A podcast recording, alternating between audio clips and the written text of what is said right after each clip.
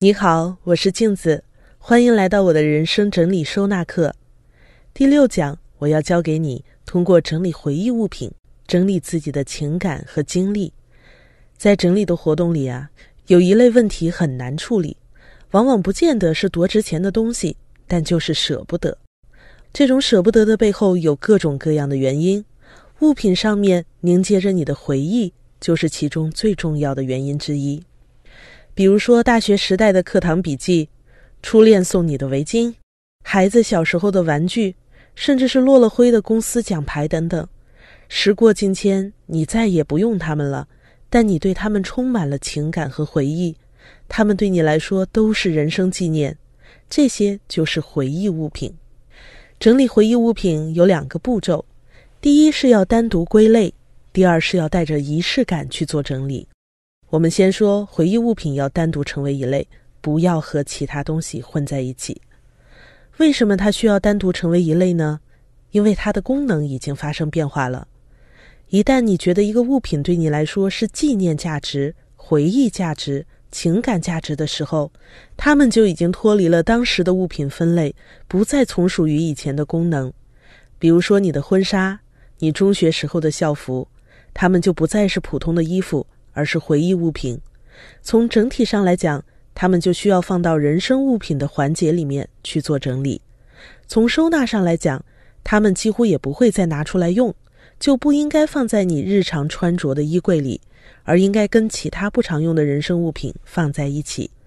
在整理的流程上，回忆物品是你整理的最后一个环节。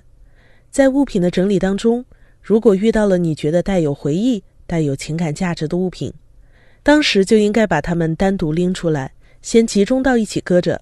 到了整理人生物品的这个时间段，再对其中的东西进行整理。接下来呢，整理回忆物品要有充分的仪式感。整理回忆物品啊，跟整理其他的东西不同，是你更深的面对自己的内心世界，仪式感就非常重要了。这个仪式感主要包括四个部分：第一，要保证你自己独处的空间。整理回忆物品，尽量不要被人打扰，要保证一个安静独处的空间。家里有人的时候，最好不要进行回忆物品的整理，因为你有可能被打断。第二，要保证充分的时间。回忆物品的整理很容易勾起情绪，很容易激发过往很多的画面和回忆，需要你有充分的时间来回溯、体会、确认。因此，不要搞得匆匆忙忙的。这是人难得的认识自己的机会。如果有别的事情要忙，先忙完了再来整理。时间不够的情况下，情绪和回忆不能充分的被暴露，不能充分的被处理，会让你觉得很难决断。第三，郑重其事的告别。比如，你可以拿起一件东西在手上，安静的回忆当年的使用时间和场景。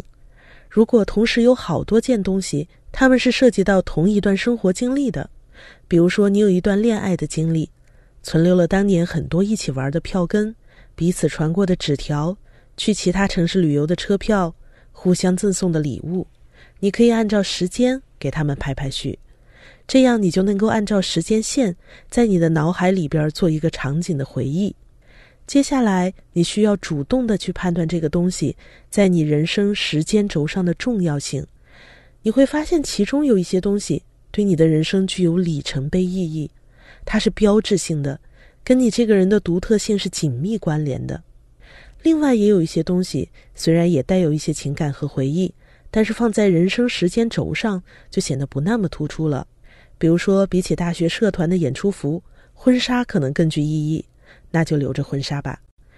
最后，需要对他们正式告别，辨别了物品的重要性。同时，你也理顺了其中的情绪和情感，接下来你就可以充满尊重的告别，并放手了。你可以在心里默默地说：“谢谢你陪伴我，再见。”也可以说出声，设计一句自己独特的告别语。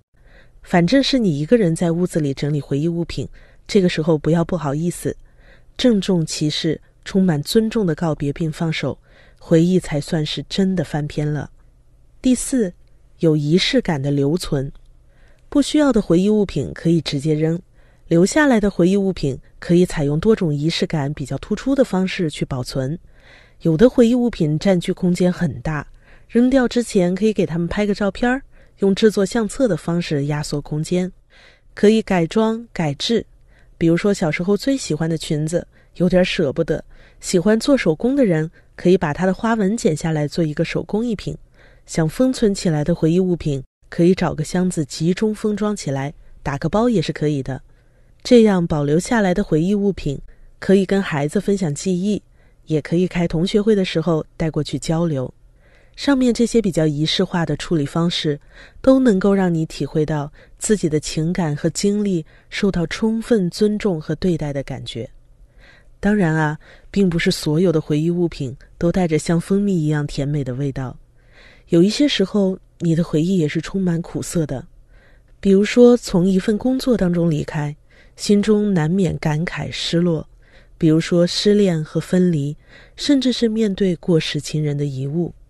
过往啊，你觉得很难面对这些东西，可能只有激烈的感受、回避的情感、对错误的自己的自我责备、对失去的无限痛惜。他们当然很容易使你进入负面的情绪。如果你不愿意面对，草草翻过去，它反而容易像一个难以愈合的伤口。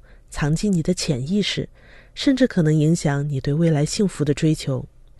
那这种情况怎么办呢？核心就是从积极和感恩的角度去理解一切的回忆。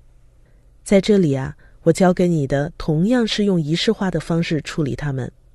这个仪式感的关键就是要提出正确的问题，让自己换个思路解答。一个东西拿在手上，自己问自己。这个东西给我带来的正面影响是什么呢？在当时的这个场景当中，值得感谢的是什么呢？向自己问这两句话，自己问自己回答，回答完毕以后啊，再决定这个东西是否要保留或扔掉。扔掉的同时，仍然回之以感谢的话。所以说，通过认真告别回忆物品，更深的与自己和解。以积极和感恩的视角看待自己所经历的一切，才能够使你不是单单在回忆中受苦，而是把过往的整个经历化为你自己人生的养分，给予现在的你更大的力量。总结一下，处理回忆物品要有非常正式的仪式，通过对回忆物品的接纳、感恩和一个正式的告别仪式，你的人生会更加活在当下，接纳自己。远离过去带给你的阴影。这一讲我也给你留个思考题，请设计一句让你在处理回忆物品的时候可以用来告别的独特的告别语吧。下一讲我会告诉你如何应对一个常见的担心，它就是这件东西万一有一天要用怎么办。